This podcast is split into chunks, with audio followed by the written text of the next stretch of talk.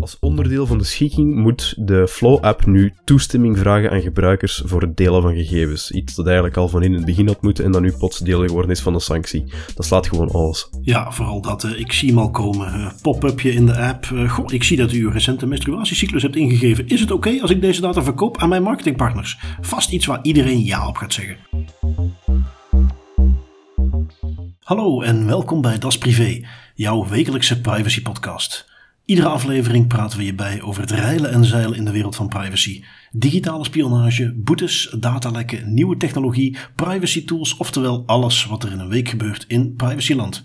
Ik ben Bart van Buitenen en zoals altijd heb ik samen met Tim van Haren het privacy nieuws deze week weer gecureerd en eruit gehaald wat er echt toe doet. Veel privacy nieuws om te overlopen deze keer, zoals altijd eigenlijk. Eh, zo blijkt niets meer heilig, zelfs menstruatie-apps verkopen je data. De inspecteur op Radio 2 heeft uitgezocht wanneer men je ID-kaart mag vragen, maar daar valt nog wel iets over te zeggen. En als het ze niet goed uitkomt, dan is Le Soir toch ineens niet meer zo bezig met privacy. En verder hebben we nog een aantal miljoenen boetes die deze keer weer uitgedeeld zijn. Uh, we introduceren ook een nieuw onderdeel. Uh, Tim, we hebben de privacyvraag deze week meegenomen. Uh, wij lanceren via Twitter, mag je ons een, vraag stellen. Ehm, dat moet een privacyvraag zijn, uiteraard. En ja, we gaan even kijken. Deze week hebben we er al eentje binnengekregen. En dan nemen we die mee in de aflevering. Dus ben je ergens tegenaan gelopen? Heb je vragen gekregen om gegevens te geven? Um, is er iets waar je denkt van, goh, hoe zit dat nu eigenlijk privacy gerelateerd? Wel, stel hem ons en wij laten hem in de aflevering de revue passeren. Um, waar vliegen we ermee in, Tim? Ad tracking moet stoppen. Tweakers.net heeft een artikel waar nu meerdere consumentenbonden ook doorhebben, zoals wij dat in de afleveringen al vaak benoemd hebben, dat surveillance tracking van de advertenties en de cookies, dat dat eigenlijk heel erg stout is. En ze roepen op tot een algeheel verbod om te stoppen met mensen over het internet te tracken. Shocker. Dat is ook niks nieuws voor ons. Hè. Dat is een fantastisch idee ook dat men daar nu mee gaat afkomen. Ad-tracking moet stoppen.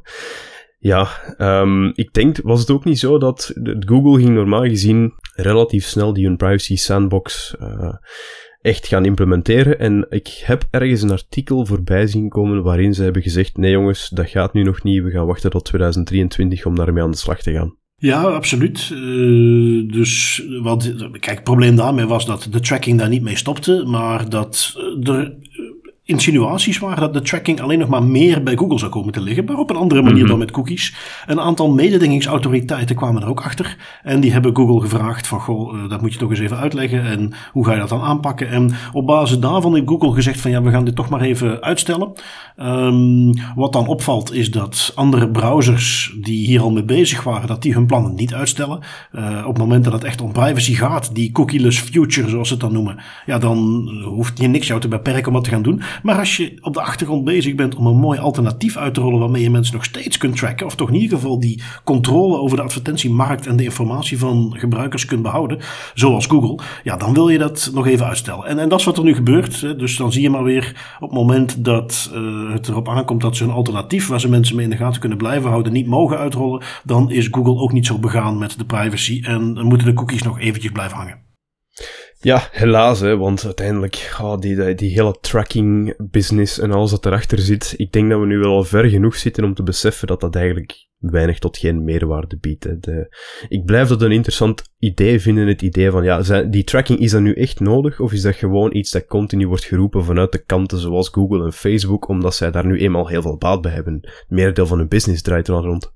Je ziet in uh, wat die, want het gaat om, ik dacht, meer dan elf uh, consumentenbonden die zich daarin verenigd hebben. Ook de uh, Europese koepelorganisatie heeft zich daarachter geschaard.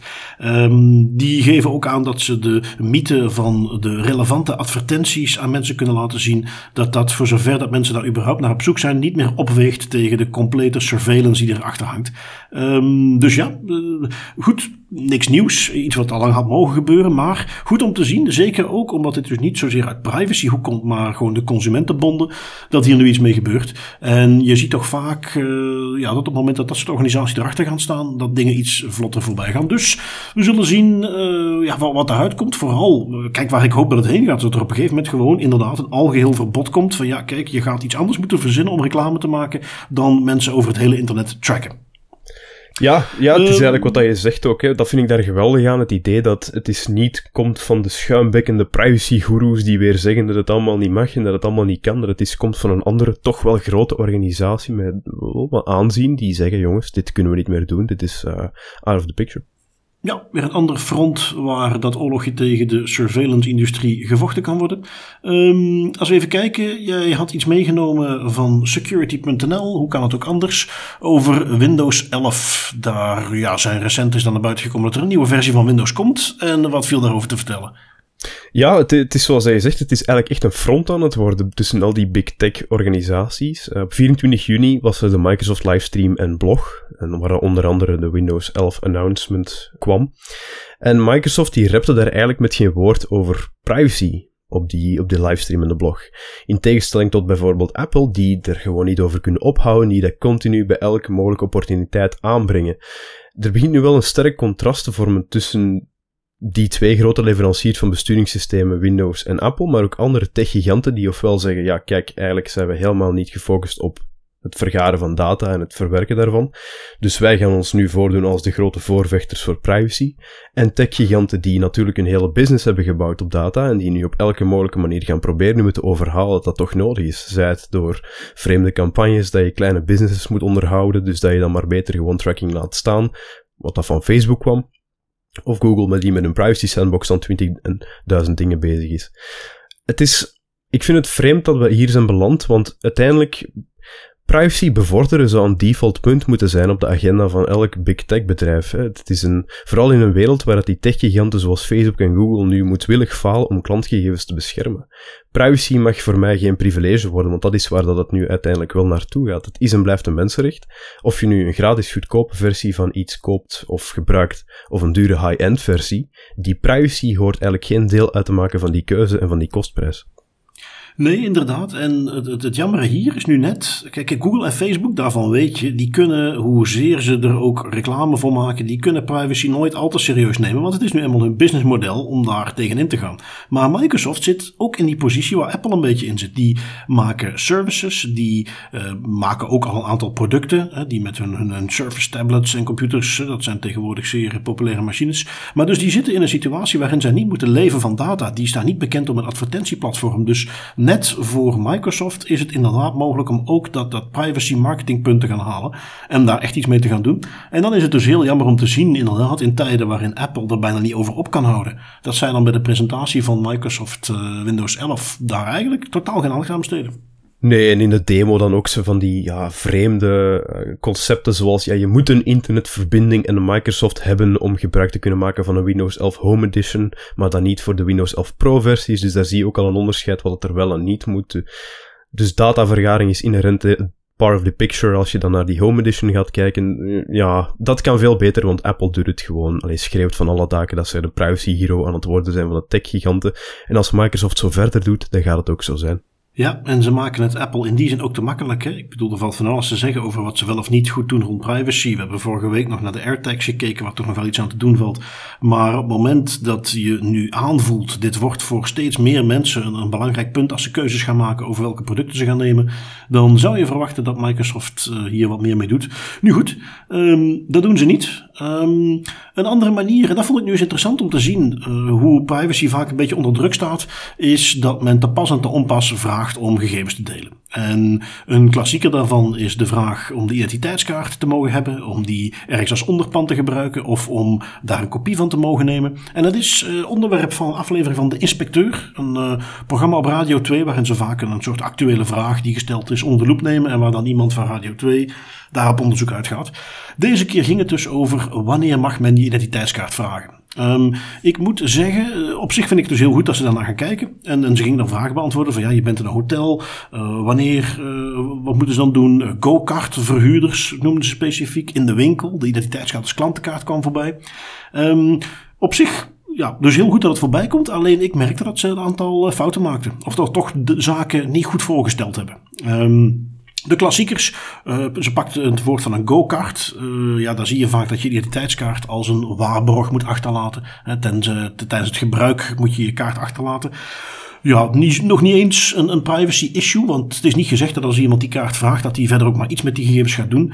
Um, het risico is er natuurlijk wel, maar bovenal is de reden waarom dat, dat niet mag, want dat mag dus niet. Identiteitskaart als onderpand is iets evidenter. Als jij identiteitskaart als onderpand hebt, dan per definitie kan iemand er niet meer bij hebben. En dat is een wettelijke verplichting. Dus alleen daarom al mag het niet, nog even los van het privacyrisico. Um, een andere die ze voorbij lieten komen is de uh, identiteitskaart als klantenkaart. Je ziet wat je veel ziet. Je bent wellicht zelf ook wel eens gestalkt, Tim, bij de mediamarkt. Wilt u het garantiebewijs op uw identiteitskaart? Ik weiger dat standaard. Um, ik moet erbij zeggen dat ze dat nu kennelijk, zoals ik het voorbij heb zien komen, goed op orde hebben. Vroeger, wat ging Mediamarkt dan doen? Dat weet ik nog heel goed. Gingen ze het Rijksregisternummer uitlezen. En gebruikten ze dat als unieke sleutel. Dat is op een gegeven moment halt toegeroepen. Dat mag sowieso niet. Um, nu zouden ze dat dan uh, niet doen en lezen ze wel iets uit uit die identiteitskaart. En is het een, een handige manier? Ik, vertrouw het niet. Uh, het risico is mij iets te groot, dus ik doe het nog steeds niet. Ik denk dat ze het op zich er wel nu correct mee omgaan. En het mag. Dat is het belangrijkste. Je mag identiteitskaart, dat zit dan vaak ook het identiteitskaartnummer wat eraan hangt in plaats van het Rijksregisternummer, mag je gebruiken voor dit soort dingen. Belangrijk wel om te weten, het moet een andere optie zijn. Je moet niet verplicht zijn om alleen door middel van identiteitskaart te koppelen, uh, je garantie te kunnen hebben of je, je klantenkaart te kunnen hebben. Ze moeten een alternatief geven. Dus dat was ook uh, interessant om voorbij te zien komen. Dan degene waar ze volgens mij een beetje de mist in gingen, uh, ging over hotels. Um, of, of andere uh, plekken waar je kunt logeren. Daar is men wettelijk verplicht om je identiteit vast te stellen.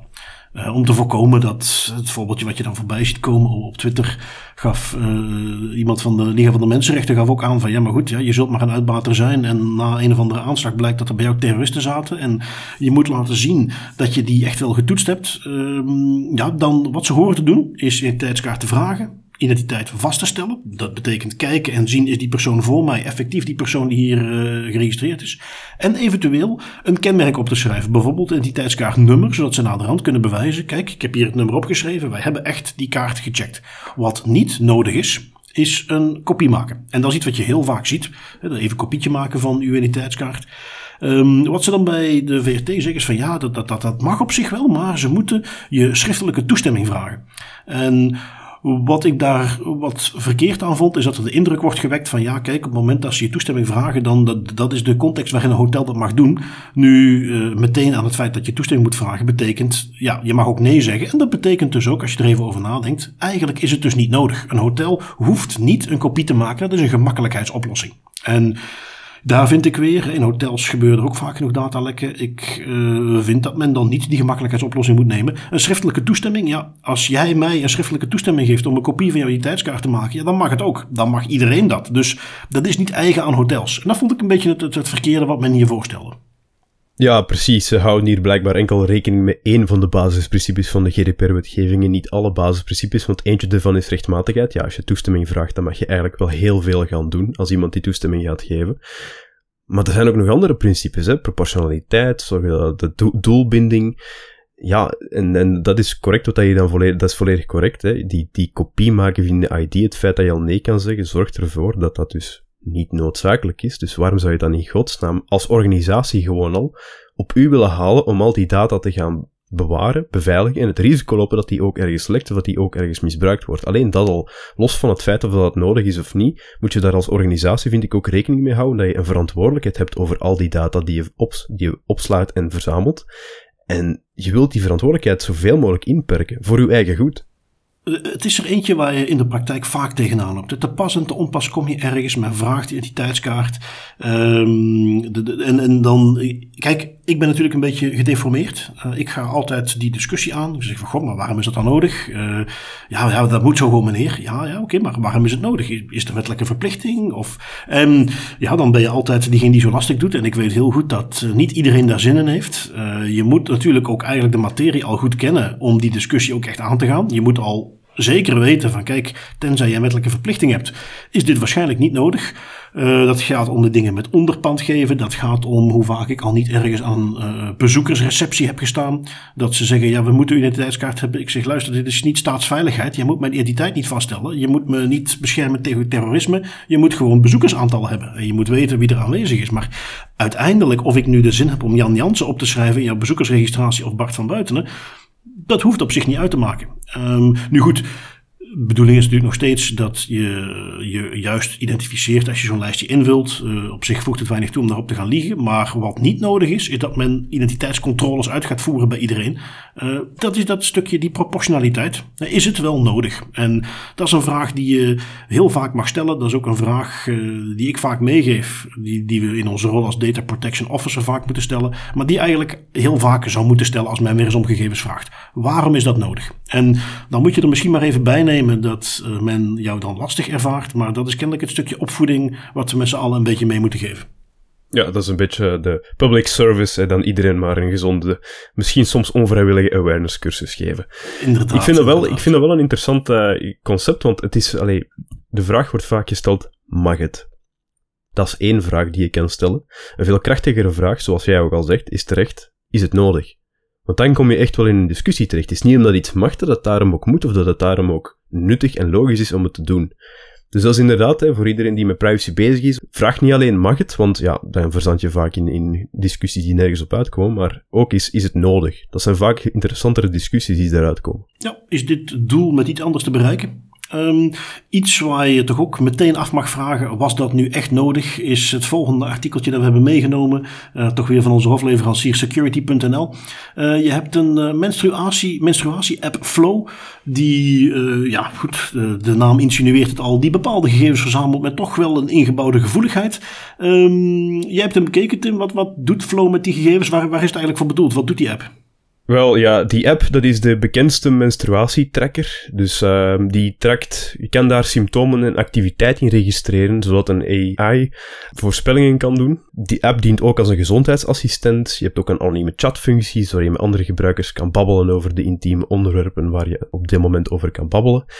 En ja, zoals je misschien wel hoort, er zijn best wel veel gevoelige gegevens die daarin verzameld worden. Blijkt nu, jammer genoeg, niks is niet meer heilig, dat die app jarenlang miljoenen gebruikers heeft misleid door te stellen dat hun gegevens privé zouden blijven, terwijl ze eigenlijk op de achtergrond gevoelige gezondheidsgegevens, bijvoorbeeld dat een gebruiker zwanger was, verkochten aan bedrijven die de analytics en marketingdiensten voor de app verzorgden. Natuurlijk, de usual suspects zitten er weer bij, Google en Facebook, het kan ook niet anders. Om een beeld te geven van de scope, die Android-versie van de app alleen al telt meer dan 50 miljoen gebruikers en het is, ja, het verkopen van data stopte pas nadat honderden klachten van gebruikers binnenkwamen en het hele verhaal in de media kwam. Dus het is niet van, oh oh, we fucked up en nu moeten we het anders gaan aanpakken. Het is echt pas nadat ze heel veel slechte publicatie kregen, dat ze dan maar hebben gezegd, wel, misschien moeten we dit niet meer doen. En het is eigenlijk nog verder gegaan, want de Amerikaanse toezichthouder, de Federal Trade Commission, die FTC, die heeft nu ook een schikking goedgekeurd met Flow. En Flow moet nu aan alle gebruikers melden dat hun persoonlijke gezondheidsinformatie zonder hun toestemming werd gedeeld met derde partijen is nog een schepje bovenop die reputatieschade. En ook moet Flow, en dat vind ik vooral interessant, de bedrijven waar het gegevens mee deelde oproepen om de ontvangen gegevens te vernietigen. Nu, ik weet niet hoe lang, ja, hoe ver in het verleden dat we dan moeten gaan, maar ik hoop en ik beeld me in dat het dan gaat over alle gegevens die ooit gedeeld zijn met derde partijen. Ik vind het wel een mooi statement. Ik zou hier ook nog graag een uh, monsterboete aan hebben zien hangen, maar ik vind dit op zich wel een krachtig iets. En ook nog leuk om mee te geven. Flow heeft volgens de FTC ook het Privacy Shield verdrag tussen de Europese Unie en de Verenigde Staten overtreden, door gebruikers niet te informeren en geen keuze te geven. Uh, en de data die naar derde bedrijven ging niet te beschermen. Dus eigenlijk alles dat ik kan fout doen om dat te doorbreken is fout gegaan. Ik, ik moet wel zeggen, uh, is dit nu echt iets waar je ook alweer AI op los moet gaan laten? Als ik dan zie dat men dan met AI, ik bedoel, de, de, de variant die ik ken, uh, nu goed, wij zitten hier als twee mannen daar even over te praten, dus uh, laten we ons beperken tot ja, we houden het oppervlakkig. Maar ik ken dat van gewoon tellen. maar goed, kennelijk kun je er ook met AI dan nog allerlei voorspellingen op loslaten.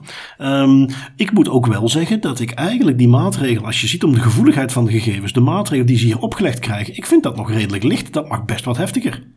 Ja, het is daarom dat ik het zei. Een monsterboete of een andere maatregel. Iets anders om duidelijk te maken aan die hele industrie van jongens, let hier alsjeblieft nu op.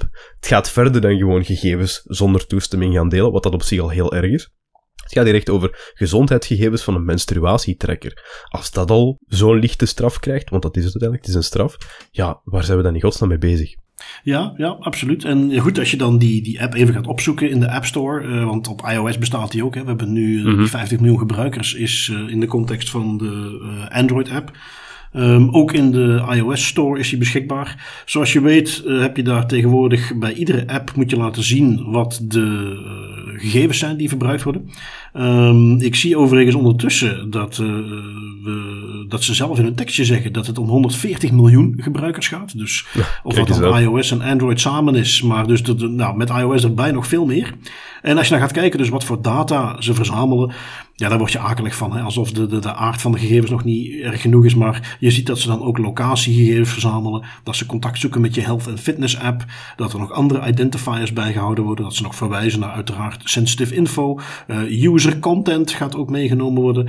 Um, ja, ik moet zeggen, eh, als ik uh, met zo'n soort gegevens iets moest gaan doen. Ik zou het niet meteen in een of andere willekeurige Amerikaanse app stoppen. En, en helaas wordt hier bevestigd dat dat dus geen goed idee is.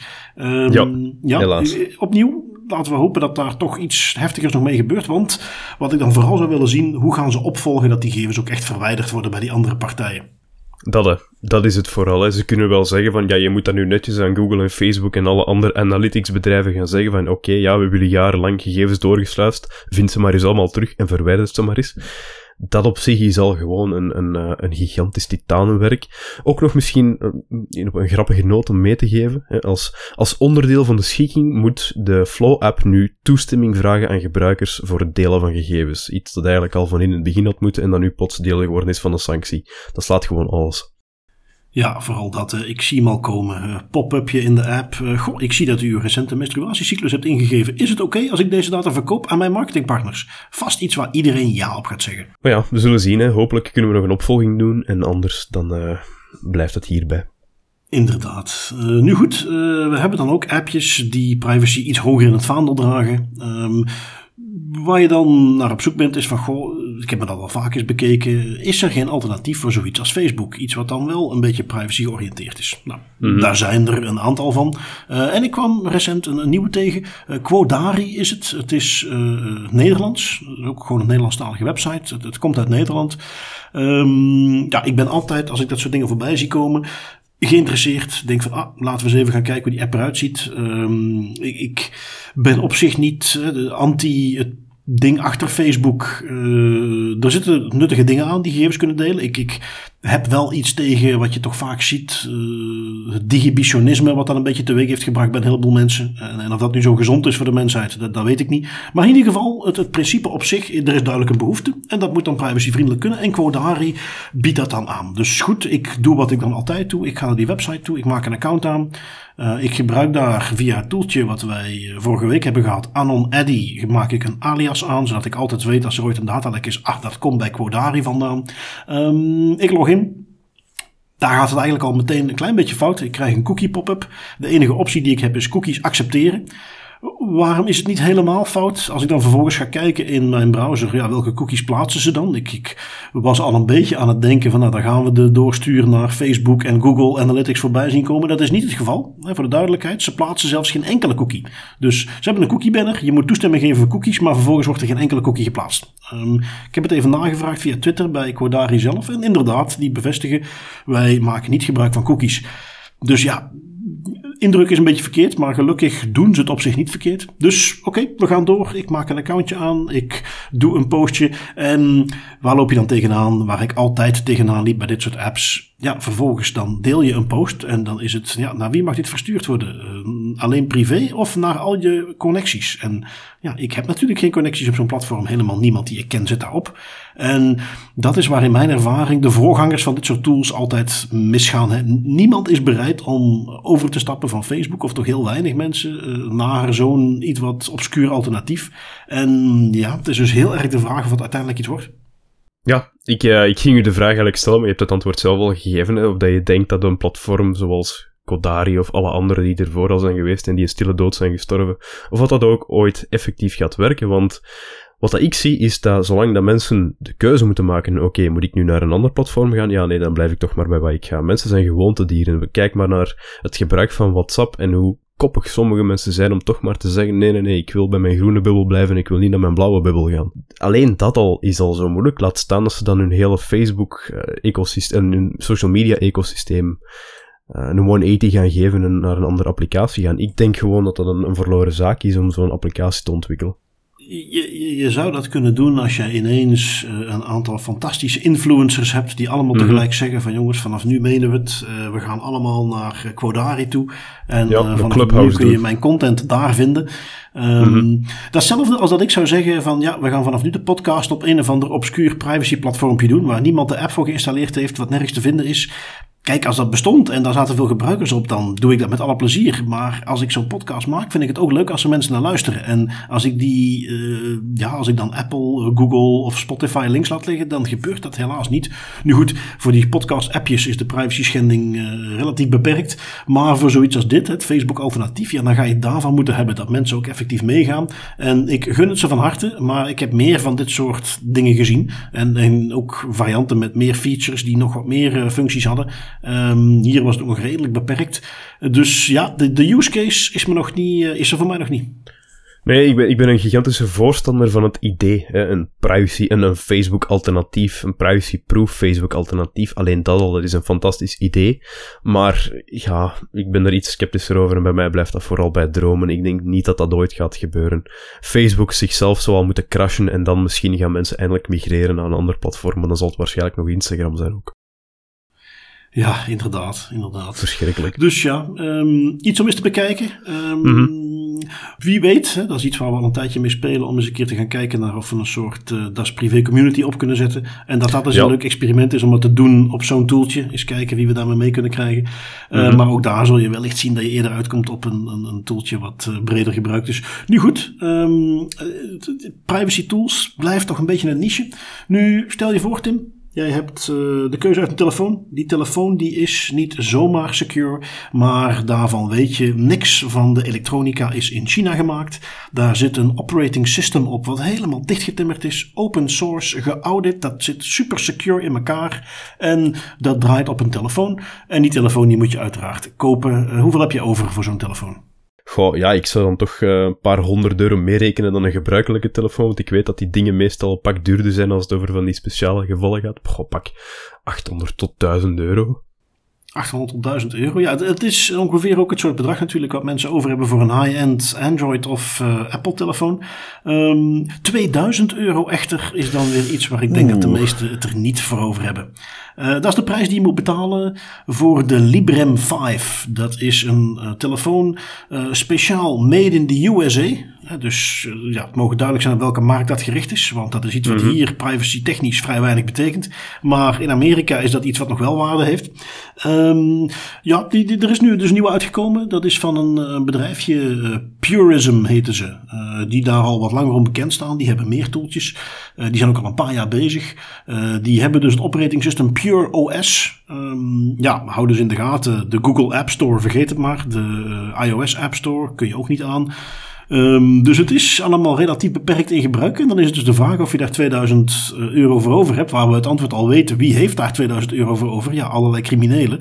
Die de laatste uh, twee jaar continu opgerold werden. Omdat ze dachten dat ze inderdaad een veilige telefoon hadden. Ja, als ze nog vertrouwen hebben in de technologie. Want na uh, Operation Trojan Shield. Denk ik niet dat er nog veel vertrouwen heerst in die ecosystemen. Om nu met encryptie te gaan spelen. Ja, dat is dus het, uh, ja, waar, waar het idee hier toch mee speelt. Tenminste, ik probeer me te bedenken. Kun jij een use case bedenken waarin je zou zeggen: ik ga niet een Apple-telefoon kopen, een iPhone, ik zet daar Signal op en ik vertrouw op de encryptie die op die iPhone zit om mijn gevoelige communicatie te doen. Kun jij een, een, een context bedenken waarin je zou zeggen: nee, ik ga 2000 euro investeren in zo'n Librem 5-telefoon? Goh, high-end profile uh, C-level people, bijvoorbeeld CEO's van, van gigantische bedrijven of zo, kunnen daar misschien nog wel gebruik van maken. Maar ook daar is de vraag, er zijn alternatieven die een pak goedkoper zijn. Hè? Dus het gaat hier niet over iets dat uniek wordt aangeboden dat echt wel die 2000 euro waard is in mijn ogen. Het gaat hier gewoon over ja, gebruiksgemak. Want al de rest, de zaken die je net benoemt, koop ofwel een, een, een uh, Apple device, of zet u op een, uh, een, een Tails OS doe je communicatie daarop, ga via Tor-netwerk. Er zijn zelfs gratis alternatieven voor alles dat hier wordt aangeboden. Niet mobile natuurlijk, maar toch. Ja, dat is hem een beetje. Hè? Ze proberen er nog een draai aan te geven. Als je op de website kijkt, zie je teksten zoals: uh, This is a freedom respecting, open source, fully verifiable operating system that is neither okay, based yeah. on Android or iOS. We are a social purpose corporation. Waarbij ze dan doen, ik heb dat even opgezocht, dat schijnt een ding te zijn. Een social purpose corporation kun je in Amerika oprichten. Wat dan dus gewoon ja, een, klassieke BV is zoals iets anders. Alleen dan zeg je van ja, wij, wij oriënteren ons vooral op, op, op ja, toch sociale doeleinden. Uh, maar mm -hmm. je hebt geen enkele verplichting om het ook effectief te doen. Dus, dus uiteindelijk kan het gewoon een winstgevende organisatie zoals alle andere zijn. Dus het is allemaal heel erg licht. En ja, ik, ik ben altijd wat sceptisch op het moment dat dat soort dingen erin komen. Als ik ook denk aan mensenrechtenactivisten of journalisten die met hele gevoelige gegevens werken. Degene die ik ken die dat doen, die maken geen van alle gebruik van zo'n telefoon. Die gebruiken gewoon Signal, die gebruiken geëncrypteerde mailberichten om communicatie uit te wisselen. En dat werkt prima. Daar is geen 2000 euro in een of ander obscuur operating systeem voor nodig. Dus ja, dan kom je er toch al snel weer op uit dat wellicht ook hier, en, en vandaar ook de marketing, vandaar ook dat dat nu komt, made in the USA, all electronics made in the USA. Ja, dit is toch wellicht weer gericht op uh, een bende criminelen die hiermee aan de slag kan. Want ik kan me gewoon niet bedenken wie dit anders zou willen gebruiken. Nee, vijf of tien jaar geleden had dit waarschijnlijk nog een goed idee geweest, maar Apple is nu al een dik anderhalf jaar bezig met zichzelf wel te marketen als de, de privacy hero in big tech. En ze bieden gewoon niks dat, dat Apple niet kan doen met een geëncrypteerde applicatie op die, op die smartphone. Het enige wat je hebt is het eh, principe waar men altijd zegt in security land, daar moet je niet op rekenen, wat dan heet security by obscurity. Als het uh, grootste mhm. onderdeel van de beveiliging is het feit dat niemand het gebruikt en het daarom niet interessant is, dat, dat, dat kan een beveiliging zijn, alleen het is niet iets waar je echt op moet gaan vertrouwen. En ja, goed, we zullen het zien. Um, even zien als we kijken naar wat we nog hebben aan tech waar gegevens in verwerkt worden. Jij had iets meegenomen van slimme thermostaten. Uh, Amerikaans bedrijf die mensen had laten verbinden met hun thermostaat, daar een connectie mee had gemaakt en die daar vervolgens dan die connectie ook ging misbruiken. Uh, wat deden ze precies? Ja, er zijn een aantal Texanen ferm geschrokken toen ze hun huis binnenwandelden en beseften dat het daar veel warmer was dan dat ze het hadden achtergelaten. Want door een overeenkomst met hun energieprovider, kon die energieprovider de controle over de airco in handen krijgen en die airco aanpassen, dus de, het uh, energieverbruik verlagen door de temperatuur te laten stijgen. Bijvoorbeeld in een hittegolf kan dat wel nuttig zijn, eh, zeker in Texas, omdat ze daar vaak mee uh, stroompannen zitten omdat het energiegrid zo overbelast wordt. Dus het idee erachter is best wel goed. Hè. Je, je zorgt ervoor dat mensen zich intekenen in een bepaald plan. Je lokt ze met een soort loterij of een andere financiële prijs, zodat ze zich, uh, ja, zodat ze zich gemotiveerd voelen om zich daarin in te schrijven. Je geeft de controle van de smart thermostaat aan de Amerikaanse energiebedrijven en zij kunnen dan bij een hoge consumptie op het energiegrid beslissen, oké, we gaan nu bij al die mensen die zich hebben ingeschreven, de temperatuur een paar graden naar omhoog brengen, zodat het energieverbruik verlaagt, omdat de airco minder harde toer moet doen. Idee, heel goed. Uitwerking, iets minder. Ik ben zelf eens door het registratieproces gewandeld om mij te kunnen inschrijven, zo gezegd, in een van die, van die diensten of van die acties. En dat is eigenlijk, ja, iets te simpel. Hè. De, de, je kiest een provider, je moet dan vier checkboxes afvinken op autopilot, waarvan één het heel kort heeft over de thermostaat aanpassen op, en ik quote, cool rewards event days. Dat is dus ook al zo ontransparant als maar kan zijn. Kies je een thermostaat en eigenlijk is daarmee de, de proces rond. En dan ben je aangesloten op dat netwerk en op dat programma en kan die energieprovider van op afstand uh, uw smart device controleren. Dus in die zin, ja, belangrijkste hier is vooral als je toestemming gaat geven, zorgen dat dat ook geïnformeerd is en dat de betrokkenen op een transparantere wijze daarover kan lezen. Ja, moet ik wel zeggen, ik bedoel, het vinkje wat ze moeten aanvinken, I will allow APS to adjust my thermostat on cool reward event days. Dus er staat letterlijk, ik ga toestaan dat jullie mijn thermostaat aanpassen. Dat dat dus op een gegeven moment een keer gebeurt, ja, is toch niet iets waar je zo vreemd van op moet kijken? Nee, is niet iets waar je vreemd van op moet kijken, maar ik vind wel dat ze hier iets duidelijker kunnen zijn met oké, wat gaan we doen, hoe gaan we dat doen, wat is het nut hiervan, want het enige dat de betrokkenen nu ziet is wel oké, ik ga hier meedoen aan een loterij of een of andere wedstrijd in ruil voor de controle af te geven over mijn thermostaat. Ik weet niet hoeveel graden dat dan naar omhoog of naar beneden gaat, ik weet ook niet wanneer het dat gaat gebeuren. Dus daar kunnen ze nog wel iets duidelijker in zijn. Want ja, de, gemiddelde betrokkenen kennende, die, die vindt gewoon die boxjes af en dat is het. Ja, inderdaad. Inderdaad. Um, even zien, wat hebben we nog meegenomen? Ik ben uh, recent, misschien is het al lang bekend, maar ik volg dat soort nieuws toch best wel op en ik had er nog nooit van gehoord. Uh, itdaily.be, een website tegenaan gelopen. Uh, Belgische IT-nieuws website waar ik al een paar keer een interessant artikeltje voorbij zag komen. wat hadden ze deze keer? Iets wat ook op andere plekken wel gecoverd werd, maar ik had het nog niet gezien. Um, er is een uitspraak van het Europees Hof. Die komt wel vaker met uitspraken, maar deze was specifiek interessant. Die ging over Telenet. Uh, op een gegeven moment heeft Telenet van een zogenaamde copyright troll uit Cyprus hebben die een verzoek gekregen om de uh, namen en adressen van een aantal uh, IP-nummers mee te geven. Telenet gebruikt dynamische IP-adressen, dus dat betekent om de zoveel tijd verandert jouw internetadres. Als iemand, als je verbinding maakt met een website, dan kun je zien welk adres je gebruikt, die IP-adres. Wel bij Telenet, bij Proximus veel minder. Bij Telenet verandert dat nog wel eens. Um, wat had deze copyright troll nu gedaan? En voor de zekerheid, een copyright troll betekent, we hebben hier een partij die bezit de rechten over bepaalde werken, bepaalde films, dat soort dingen. Die baten die zelf niet uit. Het is geen bioscoop of een filmmaker. Die hebben puur die rechten in handen om vervolgens misbruik tegen te kunnen gaan. En dus die gaan dan vervolgens rechtszaken voeren. Dus wat is hier het idee? Dat is de context waar we het over hebben. Via het BitTorrent-netwerk uh, worden er uh, films gedeeld. Uh, je weet hoe BitTorrent werkt. Dat is peer-to-peer. Dat betekent er is niet één centrale opslag. Maar iedereen heeft een klein stukje op zijn computer staan.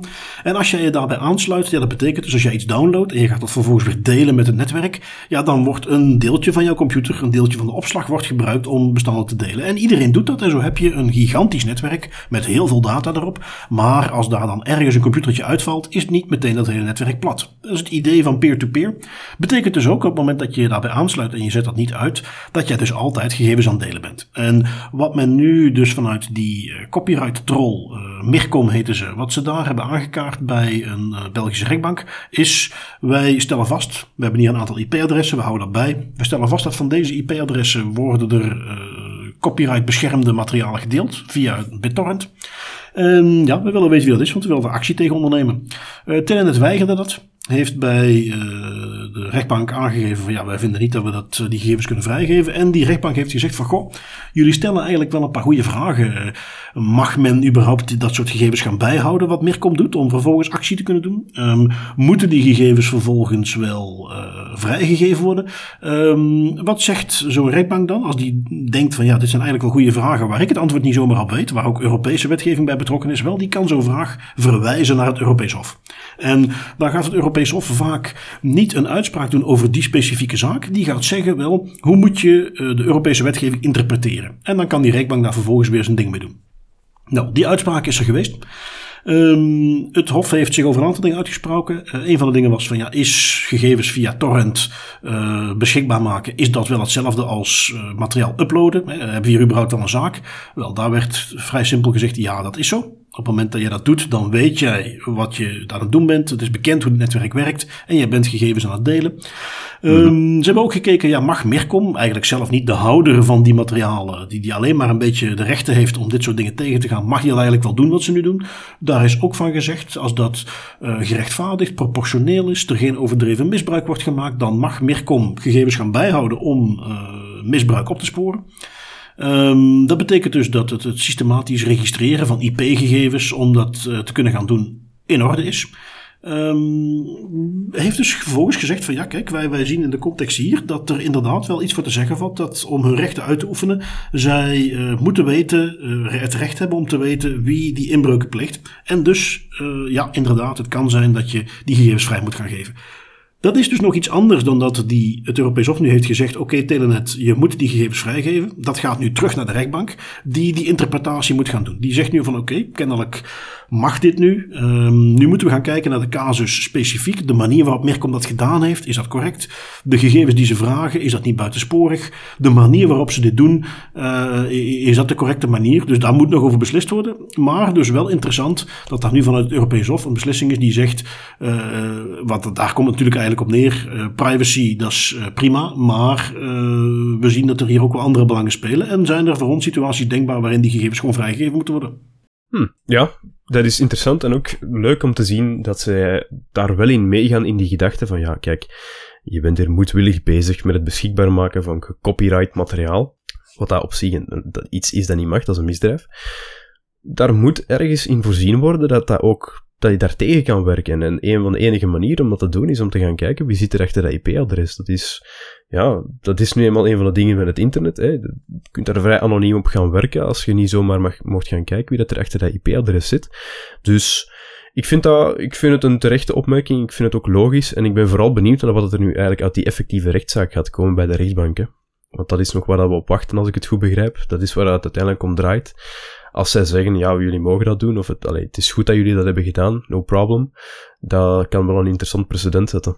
Ja, want het zal dus uiteindelijk op neerkomen of, oké, nu het kader op zich bestaat, nu het Europees Hof heeft gezegd van, oké, in principe kan dit, of dan de rechtbank in Antwerpen gaat zeggen van, oké, en in deze specifieke casus zien we dat het op de goede manier is gebeurd, is het niet buitensporig. Um, en dat is inderdaad interessant om te zien wat daar dan mee gebeurt. Um, een beetje in lijn daarmee uh, hebben we een artikeltje van uh, Sophos zelf, um, het bekende antivirusbedrijf. Die hebben af en toe heel leuke blogjes waarin ze weer iets nieuws hebben gezien en daar uitgebreid over schrijven. En nu hebben ze een beetje een soort uh, superhelden malware gevonden. Wat, wat doet die malware? Ja, je, kan, uh, je kan piraterij gaan bestrijden met het Europees Hof. Je kan het ook zelf gaan doen als je de skills ervoor hebt. En dat is wat dat Sophos Labs hier eigenlijk heeft gevonden. Dat is een coole write-up over een recent ontdekte vorm van anti-piraterij malware. Dat is een malware-campagne die recent van start is gegaan, waarvan het hoofddoel eigenlijk sterk afwijkt van wat we normaal gewoon zijn van de traditionele malware-families. Het uh, stelen van wachtwoorden, de eigenaar van de computer afpersen door voor losgeld gewoon de computer volledig bricken en, en zorgen dat hij niet meer werkt, et cetera. Nee, wat deze malware eigenlijk doet, ik vreemd om het malware te noemen, is de toegang tot een groot aantal websites gewijd aan softwarepiraterij blokkeren. Dus het enige dat hij doet is zeggen, oké, jij wilt nu naar uh, piratebay.be of .com surfen. Nope, not gonna happen. De malware, die vermond werd als illegale kopieën van een breed scala aan games en software, eh, Adobe, Photoshop, etc., werd verspreid op uh, gamedienst, gamechatdienst Discord en ook op BitTorrent. Wat ik daar heel fascinerend aan vind aan die blog, is dat, en ze leggen dat heel mooi uit, is er is heel veel werk gestoken in de camouflage van deze malware.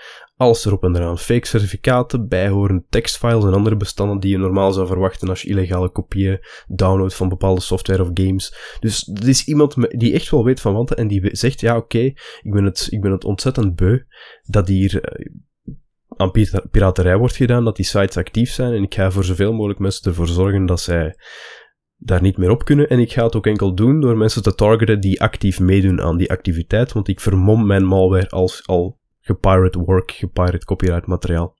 Dus wel slim en vernuftig gevonden.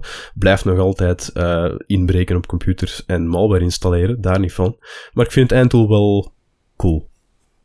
Het doet me een beetje denken, je had een tijdje geleden, had je een, een, een eh, ook, ja, ook een soort wat ze dan in definitie, eh, want dat is ongevraagd geïnstalleerde software, malware had. En wat mhm. deed die malware? Die uh, update jouw computer. Dus die had gezien dat jij kwetsbaar was voor bepaalde dingen en die ging jou gewoon verplichten, oké, we gaan gewoon die updates installeren. Uh, ik weet dat ik toen ergens, volgens mij was het ook een podcast aan het luisteren, ze zeiden van ja, eigenlijk malware is niet de goede term, we moeten dat buenoware noemen. Buenoware, prachtig. Ja. Oh, dat vind ik een geweldige term. Doen ze, doet Sophos enige uitspraken over uh, wie ze denken dat dit gemaakt heeft? Nee, uh, dat is ook niet bekend. Zij hebben eigenlijk in de Sophos Labs blogpost zeggen ze dat ze geen idee hebben van waar dit komt of wie hier achter zit. Um, het is wel zo, vermoeden dat het hier wel om gaat om, om iemand die wel weet waar het over gaat, want de manier hoe de malware in elkaar zit is goed genoeg om door de meeste detectie te komen.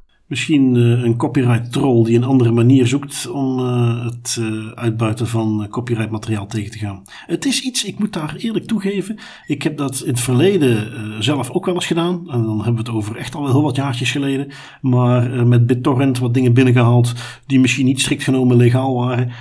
Um, maar vanaf dat die wat makkelijker beschikbaar waren, dat er allemaal marketplaces waren, dat we dingen hebben zoals Netflix heb ik dat eigenlijk niet omdat ik, moet ik eerlijk toegeven, ineens ethisch een omslag heb gehad. Maar ik heb het gewoon nooit meer gedaan. Want wat ik destijds ook altijd al zei, op het moment dat die dingen gewoon makkelijk beschikbaar worden. En ik kan daar een redelijk bedrag voor betalen in plaats van 15 euro om één keer een film te kunnen zien.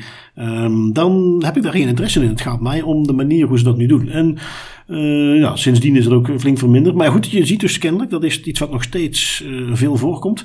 Um, ja, het zou heel interessant om te weten wie dit is. Misschien is het gewoon een, een, een purist die besloten heeft, ik ga hier eens eventjes een, werkje van maken. En misschien is het dus een, een studio of een, producent van software die besloten heeft om het dus op een andere manier aan te gaan pakken dan uh, lange rechtszaken. Ja, klopt. Het is, het is al sinds heel cool om te zien dat er ook malware bestaat die effectief iets goed doet. Zij dan updates installeren, dat vind ik al een geweldig voorbeeld. Of de toegang tot piratebay.com blokkeren, dat alleen al is, is geweldig. Ja, Even zien, uh, wat hadden we nog? Um, ik had nog één nieuwsberichtje meegenomen. Ik vond hem interessant. We hebben al een paar keer aandacht besteed aan uh, Le Soir. Het Franse uh, nieuwsmedium. Die heel hard bezig is in de campagne tegen de GBA. Tegen de dingen die daar voorbij komen. Ehm, die daar artikelen wijdt aan de dystopische complotten die allemaal opgezet zijn. En, privacy hoog in het vaandel dragen. Um, kennelijk is dat toch iets wat ze vooral doen als het zo goed uitkomt. want op het moment dat ze zelf vinden dat privacy ze even niet goed uitkomt, dan gaan ze er tot aan het Europese Hof voor de Rechten van de Mens, kennelijk. Um, waar gaat de zaak over? Want we hebben het dus over een uitspraak bij niet het Europees Hof voor Justitie, waar je vaak dingen voorbij ziet komen, maar dit is het Europees Hof voor de Rechten van de Mens, uh, waar ook vaak privacyzaken voorbij komen, omdat natuurlijk het recht op privacy, recht op gegevensbescherming, een uh, Europees ingeschreven recht is. Um, 1994, een man is betrokken bij een uh, verkeersongeval. Uh, uiteindelijk dood door schuld, is er ook voor veroordeeld, heeft zijn straf uitgezeten. Uh, we zijn nu bijna 25 jaar verder en die persoon komt erachter van ja, als je mijn naam nu googelt, kom je nog steeds bijvoorbeeld op een artikeltje van de Soir uit ja, ik heb mijn straf uitgezeten, uh, maar nog steeds het eerste wat je ziet op het moment dat je mijn naam googelt, is dat je op een artikel komt waar staat dat ik een doodrijder ben. Ja, iets waar natuurlijk, het is niet voor niks dat de samenleving daar gevolgen aan verbindt. Jij moet een bepaalde straf uitzetten. Maar als samenleving hebben we ook besloten, er is zoiets als rehabilitatie. Heb jij je straf uitgezeten, dan accepteren wij uh, dat je boete hebt gedaan en je moet weer verder kunnen. En op het moment dat zoiets dus blijft zichtbaar zijn op die manier, op die makkelijke manier, ja, dan blijf je eigenlijk vanwege die virtuele beschikbaarheid van die gegevens tot in het oneindige daar uh, mee geconfronteerd worden. Um, en goed, uh, of dat wel of niet terecht is, uh, laat ik even in het midden. Maar met het concept van straf die in de tijd beperkt is, hebben we als samenleving besloten, daar mag ooit een einde aan komen. Dus die man had uh, een verzoek om vergeten te worden ingediend bij de zwaar. Die zei: nee, dit is vrijheid van meningsuiting. Uh, wij hebben het recht als pers om dit artikel te laten staan. En dat recht weegt hier zwaarder door dan jouw recht als persoon om weer verder te kunnen gaan met je leven. Uh, de persoon had gevraagd om gewoon het artikel de naam te vervangen met een X. Dus dat, voor de rest moest er niks aan het artikel aangepast worden, moest niet verwijderd worden. Uh, alleen die naam moest aangepast worden. Dat is iets wat Le Soir dus weigerde. Dat is uiteindelijk dus tot het Europees Hof gekomen, uh, Europees Hof voor de Rechten van de Mens. En dat Europees Hof heeft nu beslist, Le Soir niet moeilijk doen, jullie moeten dat gewoon aanpassen. Als wij hier de afweging maken tussen de belangen, waar het vaak op neerkomt, belang op privacy, um, belang op vrijheid van meningsuiting, dan stellen wij vast dat het recht op vrijheid van meningsuiting door de naam te vervangen met een kruisje niet wordt aangetast. Uh, het gaat hier ook niet om een persoon met een hele bekende publiek statuut, waardoor het toch belangrijk zou zijn dat dit soort informatie beschikbaar blijft. En die zijn dus uh, verordoneerd om die anonimisering toe te passen dat uh, breekt mijn hart wel een beetje. Le, Soir zo ver gaat om hier echt, ja, ik zou het al bijna koppig noemen, tot aan het Europees Hof gaat vechten voor dat idee van uh, ja, vrije meningsuiting versus dan die persoon die zijn leven terug wilt. Uh, het is wat je zegt, hè, je, moet, je hebt het recht om, om terug te integreren in de maatschappij na een fout. Dat is iets waar dan onze democratie op gebouwd is. En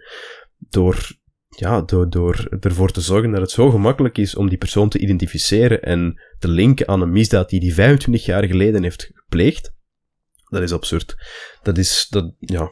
Daar ben ik heel blij ja. mee dat het Europees Hof daar ook zegt, jongens, kom aan, doe niet moeilijk en vervangt die zijn naam gewoon door een X. Het is iets wat ook in 2014 al gebeurde, waar Google eenzelfde soort rechtszaak verloor. Uh, daar is het recht om vergeten te worden eigenlijk uh, vandaan gekomen. Um, ik, ik, ik, ik snap ergens het idee ook wel van ja, maar hellend vlak, hellend vlak. Als wij nu als pers ja. dit laten gebeuren, dan wie weet waar het stopt. En ik snap dat je daar ergens dus een lijn moet trekken. Ik denk alleen niet dat je hier die lijn had moeten trekken. Uh, hier vind ik dat we nog iedereen met daar een beetje voeling voor toch wel had kunnen inschatten van goh, ik denk dat we hier uh, de belangen van die persoon een beetje voor moeten laten gaan. Nu goed, um, is dus ook gebeurd. Europees Hof heeft daar zijn uitspraak over gedaan. We gaan even door. We hebben nu wat dingen rond datalekken wat gegroepeerd, want dat zijn er toch iedere keer een hoop.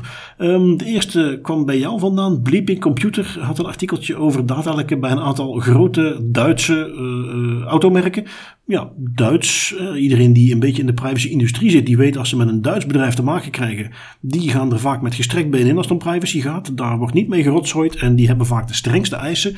Uh, maar hier is toch nog iets verkeerd gegaan. Wat uh, heb jij kunnen halen uit het artikeltje van Bleeping Computer? Ja, klopt. En het is wat je zegt. Die Duitse bedrijven die gaan er volledig voor als het om privacy gaat. Maar helaas hun vendors misschien niet altijd. En dat is wat hier gebeurd is. Hè. Audi, Volkswagen en Mercedes hebben op twee weken tijd allemaal te maken gehad met een vendor data breach.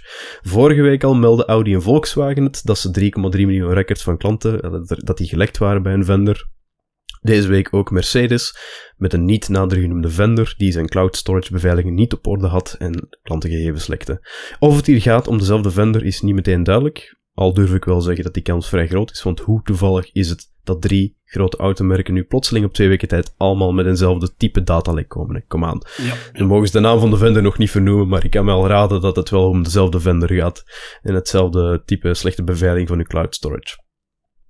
Wel, iets dat ik daar ook nog aan wil toevoegen. De Audi en Volkswagen 3,3 miljoen records. Mercedes 1,6 miljoen unieke records van klanten gelekt.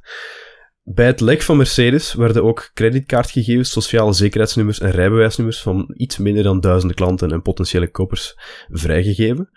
En een interessante move, los van het feit dat zij die betrokken hebben geïnformeerd en een, een aangifte hebben gedaan bij de autoriteit, hebben zij zich ook geëngageerd door te zeggen, oké, de categorie van slachtoffers met die extra gevoelige data, die krijgt een voucher die goed is voor 24 maanden gratis creditmonitoring door een erkende dienst. Iets kleins, maar op zich wel handig en leuk en, en een goede manier om dat aan te pakken en het vertrouwen van uw klanten misschien nog iets terug te winnen. Ik, ik, wou nog vragen, gaat het hier om de Europese takken van die merken of de Amerikaanse takken, maar alleen al het feit dat je de 24 maanden credit monitoring voucher krijgt, beantwoordt die vraag al. Dit gaat om de Amerikaanse, neem ik aan. Oh yes, USA all the way. Ja, ja, ja, dat, dat is dan weer ja, die credit monitoring, goed for what it's worth. Um, ja, wat valt erover te zeggen? Uh, waar ik benieuwd naar was, maar opnieuw uh, te kijken naar het soort gegevens, uh, creditcardgegevens, social security numbers, is dit waarschijnlijk een ander soort gegevens. Waar ik benieuwd naar ben, die, die, die nieuwe auto's, de Duitsers zeker, andere merken ook, die verzamelen tegenwoordig ontzettend veel gegevens. Ook locatiegegevens. Mm ik heb in, laatst in een, een, Duitse auto ook het minuutje gezien rond gegevensbescherming en daar kun je dan kiezen welke gegevens die mag tracken. Um, als je dat niet zelf goed in de gaten houdt, dan zit daar natuurlijk veel meer gegevens in. Uh, in een auto zitten tegenwoordig één of meerdere simkaarten waar gegevens mee gestuurd worden. Dus als daar een keer een datalek mee is, dan, dan ben ik daar benieuwd naar. het doet me denken dat ik al een tijdje terug had bedacht dat ik eens een keer een, een verzoek om inzage wilde gaan doen bij een van die autobedrijven. Degene waar ik dan zelf mee rijd. Maar is nog niet van gekomen. Staat nog op het lijstje om nog eens uit te voeren. Misschien voor een volgende aflevering. Een cool um, ehm, privé-experiment, inderdaad. Absoluut. Sowieso moeten we nog eens een keer een aantal inzagen verzoeken en een projectje opzetten wat dat betreft. Um, dat gezegd zijnde, we hebben nog wat datalekjes, uh, ransomware mag uiteraard niet ontbreken. Um, we hadden in de standaard, maar op meerdere bronnen was dat zichtbaar. Uh, de stad Luik heeft te maken gehad met een ransomware aanval. Op maandagochtend lag het netwerk deels plat. Uh, betekende dat uh, verschillende diensten niet konden printen, dat er geen dossiers bijgewerkt kunnen worden. Dat met andere woorden, zoals je het altijd ziet bij ransomware, dat de operationele activiteiten van de stad gewoon even plat liggen. Mm meer is nog niet bekend, heb ik toch niet kunnen vinden. of ze gaan betalen, of ze ondertussen alweer actief zijn. ja, op stad Luik, toch niet de kleinste stad. Hè, dat, als morgen Gent, Antwerpen, Brussel plat liggen, dat is toch een serieus probleem. Dus puur daarom interessant om even te zien wat eruit is gekomen. Maar ik zei het al, ik heb er niet veel meer van kunnen vinden. Ik vond het wel een interessante link met een ander artikeltje wat ik voorbij zag komen.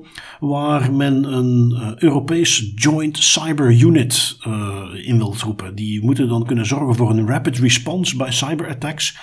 Is iets wat uh, volgt op recente aanvallen waar het Europees Medicijnagentschap, de Ierse Health Service, onze Binnenlandse Zaken, Franse ziekenhuizen, waar men doorheen Europa steeds meer van dit soort hacks zag met een grote impact en waarbij men zei van ja, daar moeten we toch iets mee gaan doen. Uh, ik weet dat men daar ook al een eerder een, wetsvoorstel voor aan het maken was, waar men dus die Europese entiteit wilde oprichten.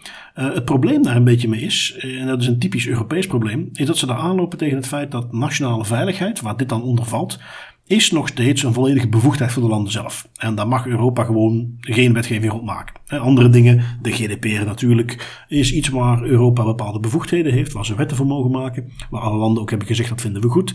Um, beveiliging, nationale beveiliging valt daar dus nog niet onder.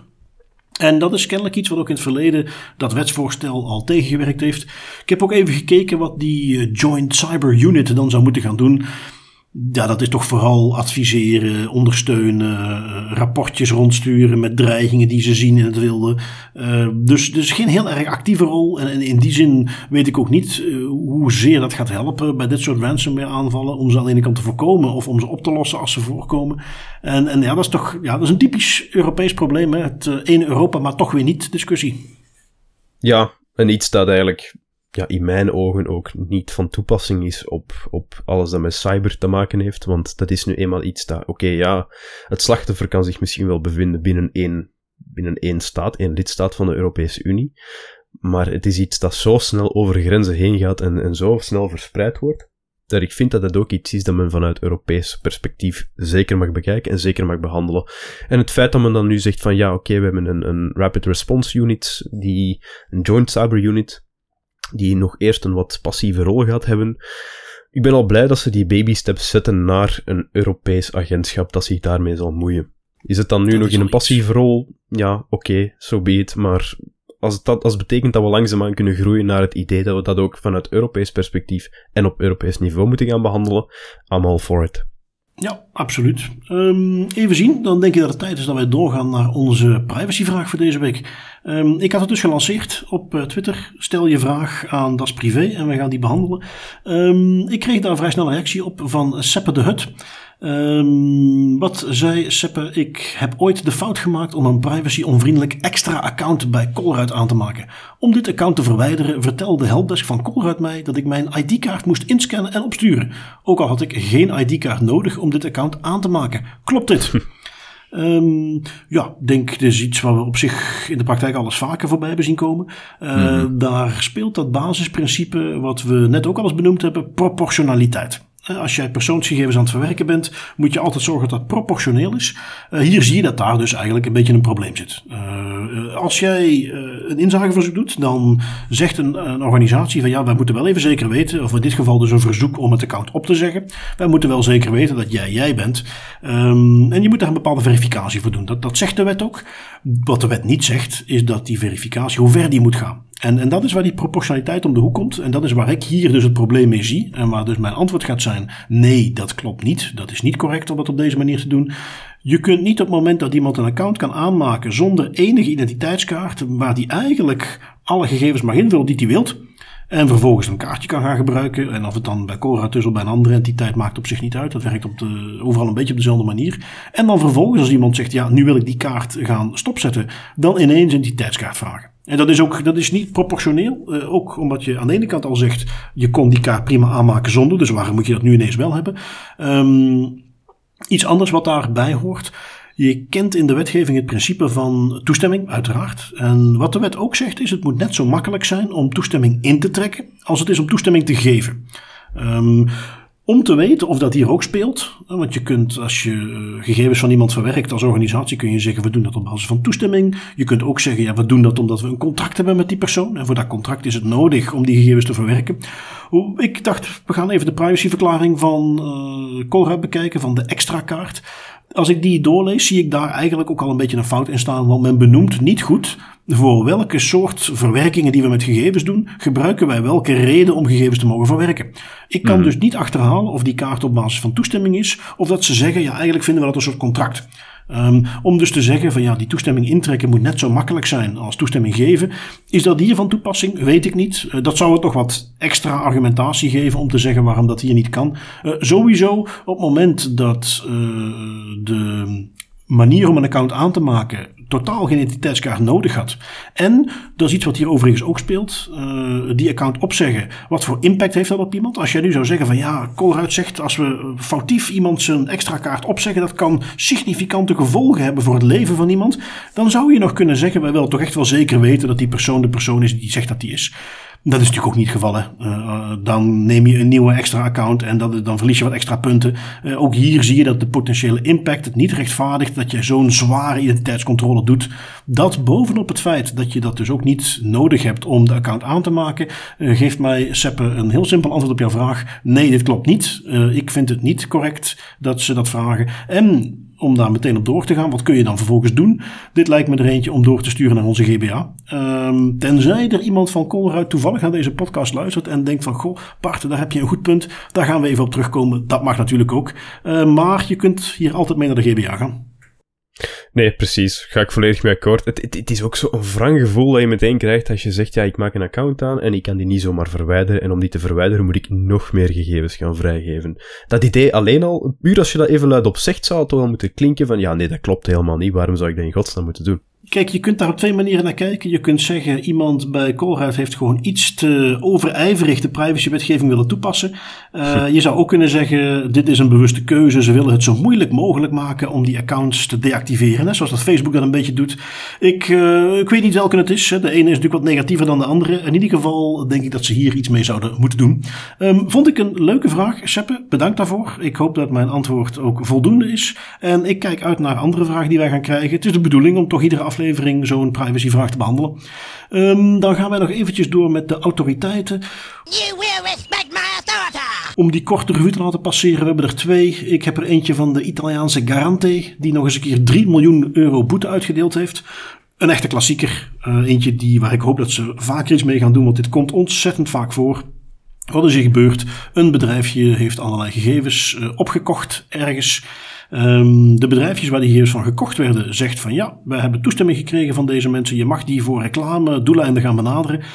Blijkt uiteraard niet te kloppen. Um, en waarbij de Italiaanse garant heeft gezegd van ja, vanwege de omvang, hè, we hebben het hier over meerdere miljoenen mensen.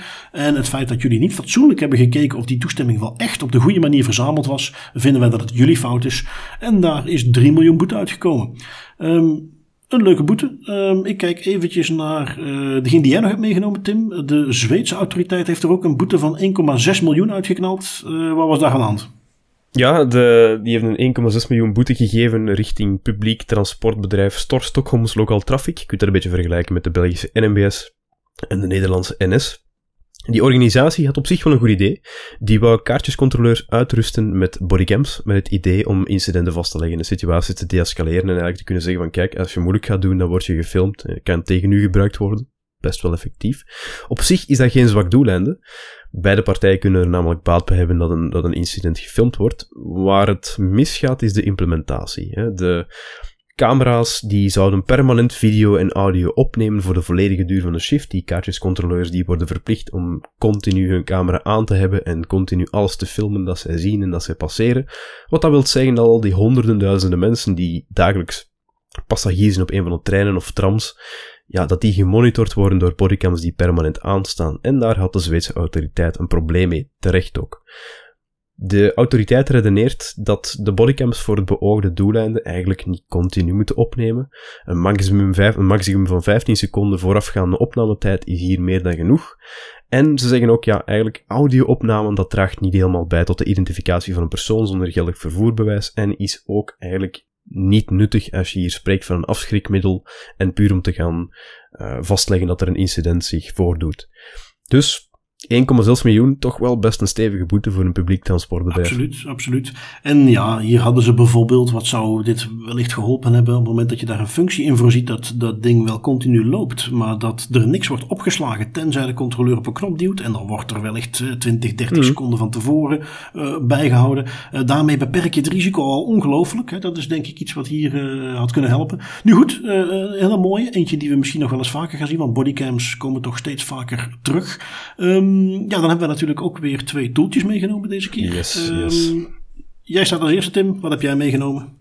Ik heb deze keer Organic Maps meegenomen. Het is een hele nieuwe. Ik denk dat hij nog geen maand oud is. De app is momenteel in beta beschikbaar voor Android en iOS.